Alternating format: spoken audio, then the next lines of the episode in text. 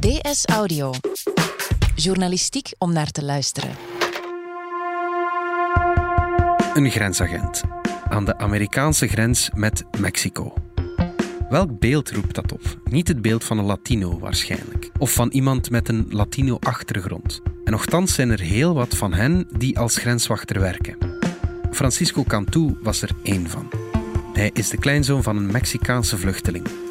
En als grensagent hield hij zelf zulke vluchtelingen tegen. Het is maandag 16 september. Ik ben Alexander Lippenveld en van op de redactie van De Standaard is dit DS Audio.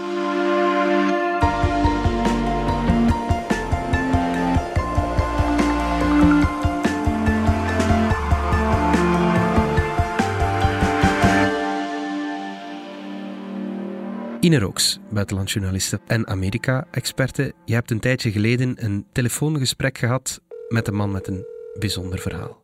Ja, dat klopt. Hallo. Het was een telefoongesprek met een man die Francisco Cantu heet. Good morning. Good morning.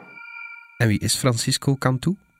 Francisco Cantu is een man van 34, een Amerikaan uit de staat Arizona. En zoals de meeste Amerikanen heeft ook hij een migratieachtergrond. Die achtergrond is Mexicaans. Zijn grootvader was een Mexicaan die begin 20e eeuw naar de VS is gekomen als vluchteling. Hij sloeg op de vlucht met zijn familie voor de Mexicaanse revolutie. Een revolutie die zeer bloedig was en begon in 1910. Het verhaal van Francisco Cantu begint dus bij die Mexicaanse revolutie, dik 100 jaar geleden. En toen kwam zijn grootvader, de vader van zijn moeder, in Amerika terecht. Dat klopt, ja. En waarom wil je met hem praten? Wel omdat hij grenswachter werd aan de Amerikaans-Mexicaanse grens. En dat fascineert natuurlijk. Ja. Dat een man met zijn achtergrond precies die beslissing neemt. Cantu heeft daar ook een boek over geschreven, The Line Becomes a River. Een boek waarvoor hij zich baseerde op het velddagboek dat hij bijhield als grenswachter. En in dat boek beschrijft hij de mensen die hij in de woestijn vindt. Mensen die met gevaar voor eigen leven de grens oversteken.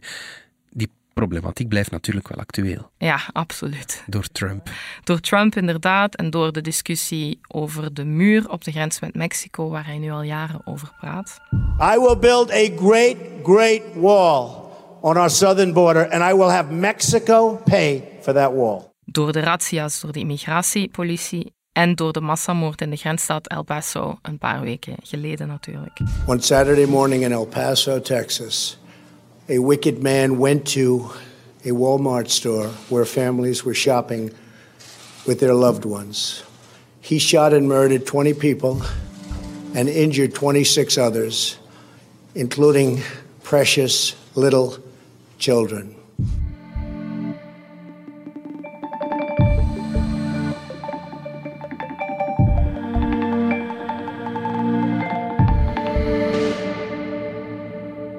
Francisco Cantu vertelt dat het zijn achtergrond was die zijn interesse wekte voor migratie en voor migranten.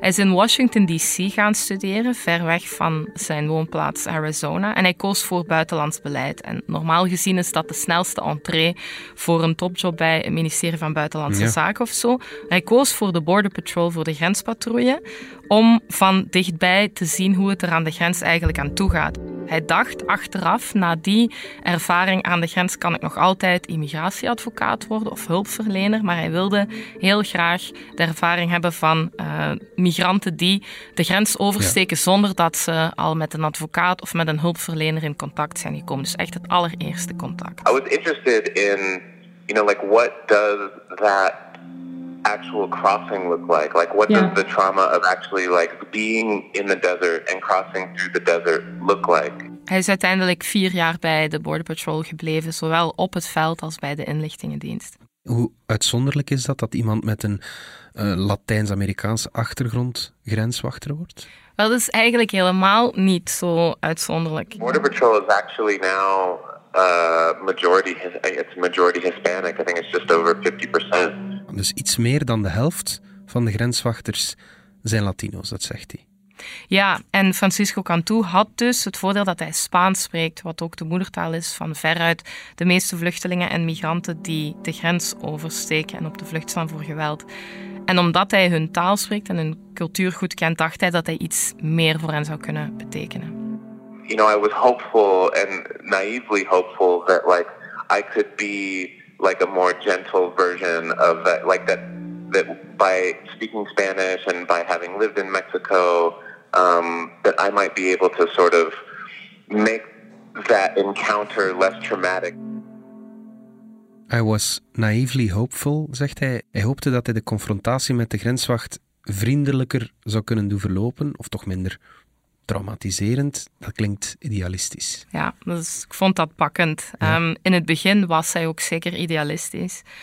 Hij maakte er bijvoorbeeld een punt van om wat voor hem belangrijke ontmoetingen waren in de woestijn, om die te proberen onthouden. Om echt zijn best te doen om de namen van de mensen die hij ontmoette te onthouden.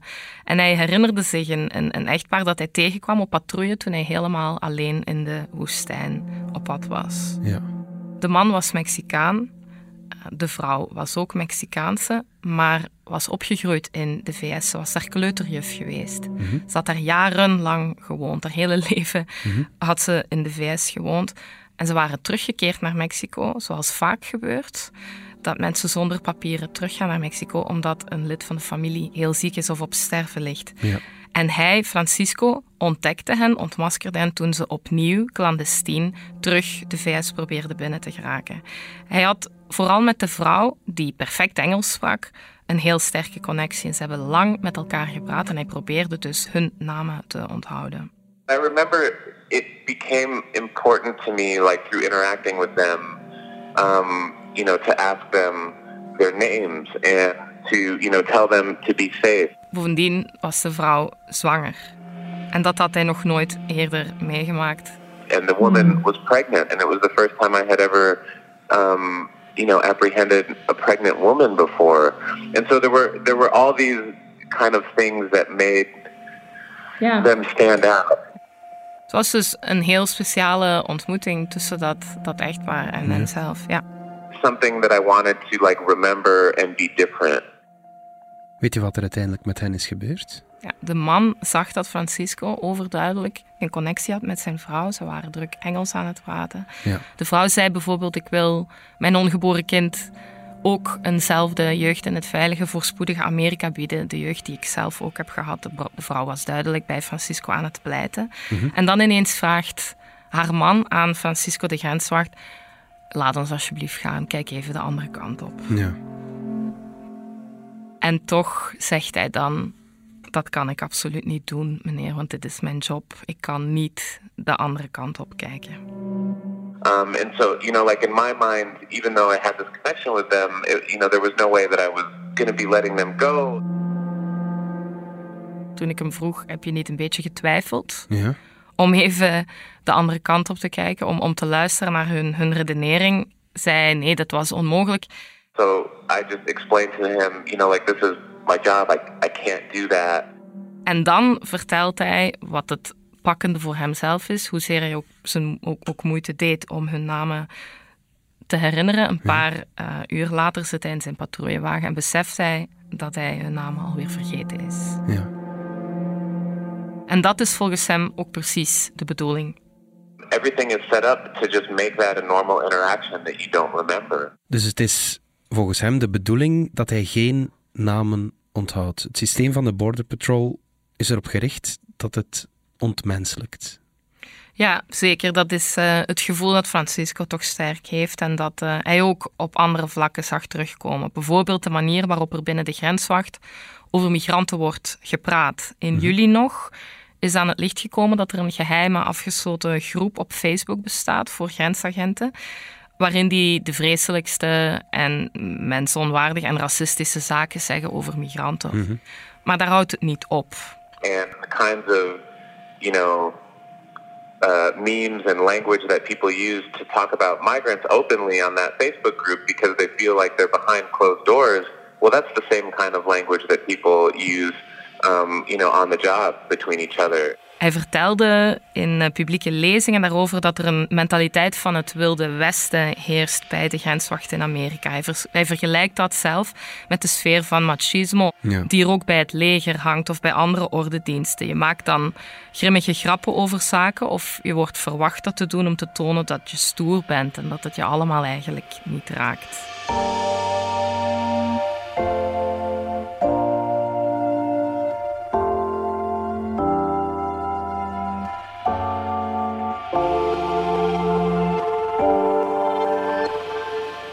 We zijn zo terug. Starten met een zaak. Voor sommigen blijft het een droom, anderen gaan er volledig voor. In Startschot, een podcast van KBC, laten we de doeners aan het woord. Zoals Stijn van Brouwerij de Poes. Wij hebben ze altijd geleerd, je kunt niet alles kunnen. Maar als je niet alles kunt, moet je tenminste wel durven luisteren naar iemand die er wel meer van weet dan u. Startschot, een podcast vol inspiratie over starten met je eigen zaak.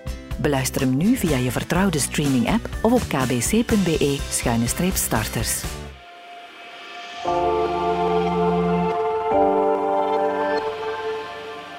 Deze zomer, Ine, ging een video viraal van de Amerikaans-Mexicaanse grens met kinderen die aan weerszijden van een omheining samen op een wipplank zitten. Ja, dat grenshek dat je in de video zag, is het grenshek tussen de Verenigde Staten en Mexico. En elk weekend is dat een verzamelplek van families, Amerikaans-Mexicaanse families, die de families aan Mexicaanse zijde komen opzoeken. Dat is heel aangrijpend. Ik ben er een keertje geweest met Pasen, twee jaar geleden.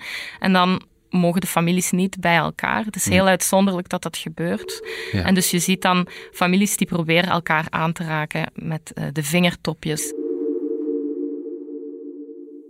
Er was deze zomer ook heel wat te doen om die detentiecentra waar mhm. migranten vastzitten. Ja, ja, klopt. Dus die, in die detentiecentra, dat vertelt Francisco Cantu ook in dit gesprek, zitten ook asielzoekers vast. Hè. Dus uh, het is niet illegaal om asiel aan te vragen, maar er zitten mensen die vastzitten tot de duur van van, van hun, hun hoorzitting. Ja. En ze kunnen alleen voortijdig vrijkomen als ze een heel hoge borgsom betalen. Soms is dat, wordt die gesteld tot 80.000 dollar, wat een familie uit Guatemala helemaal niet kan betalen. Dat is een bewuste keuze. Er zijn alternatieven voor asielzoekers voor de duur van hun procedure. Mhm om hen vrij te laten, bijvoorbeeld een enkelband te geven, door NGO-medewerkers te laten opvolgen enzovoort, door hen op te sluiten, creëer je overvolle detentiecentra. Dat is natuurlijk ook de bedoeling. Het is de bedoeling een zichtbare crisis te creëren. Het is de bedoeling om ook mensen te ontraden om het land binnen te komen als de omstandigheden daar zo erg zijn als we weten dat ze zijn.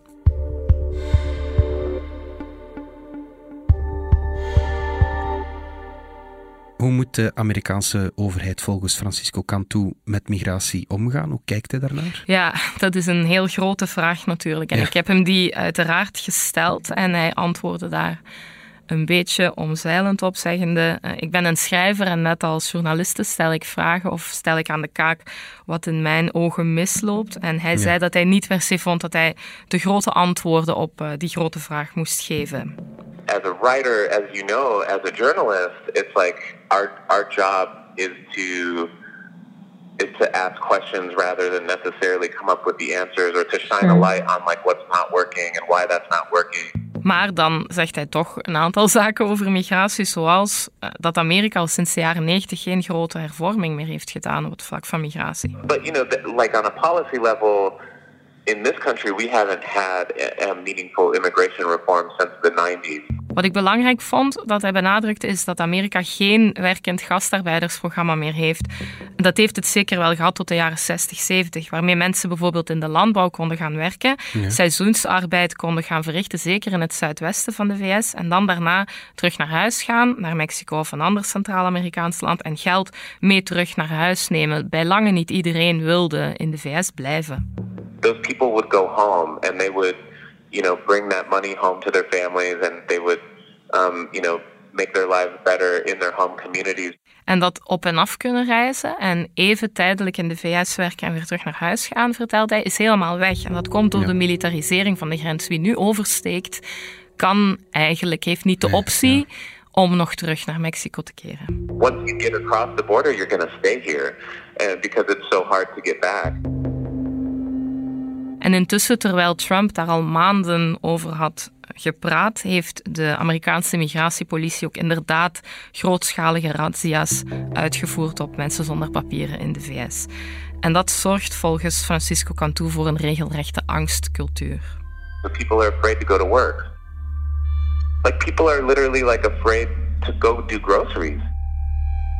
Like people are afraid to leave their homes. You know, there's there's people who like they don't open the shades on their windows where they live. That's the kind of fear that we imagine people living with in like a military dictatorship. Er is heel veel grote angst in migrantengemeenschappen, zegt Cantu. Wij kunnen zelf niet helemaal de diepte van die angst aanvoelen, zegt hij. Zelfs niet als Mexicaans-Amerikaan die dicht bij die migrantengemeenschappen staat. En hij zegt dat daar de wildste geruchten in leven. Zo'n gerucht wordt dan ineens gigantisch uitvergroot en, en creëert echte psychoses, heel veel angst. En die angst, zegt hij, daar wordt bewust op ingespeeld. Ook door Trump, die blijft praten over razzia's, die blijft dreigen met raids door de migratiepolitie. En hij ziet daar een bedoeling achter.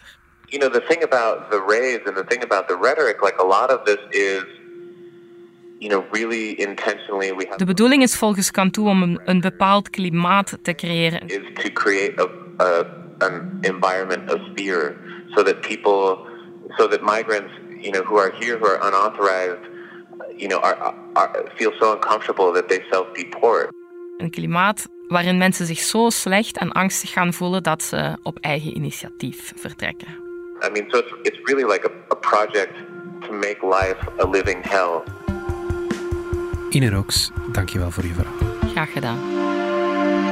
Dit was DS Audio. Wil je reageren? Dat kan via dsaudio.standaard.be.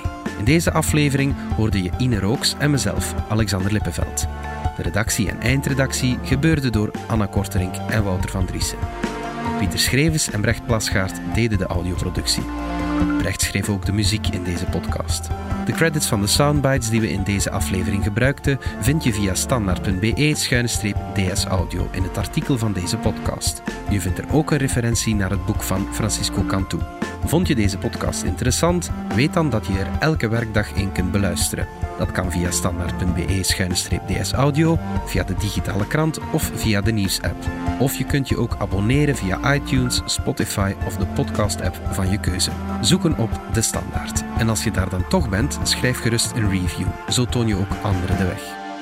Morgen zijn we opnieuw.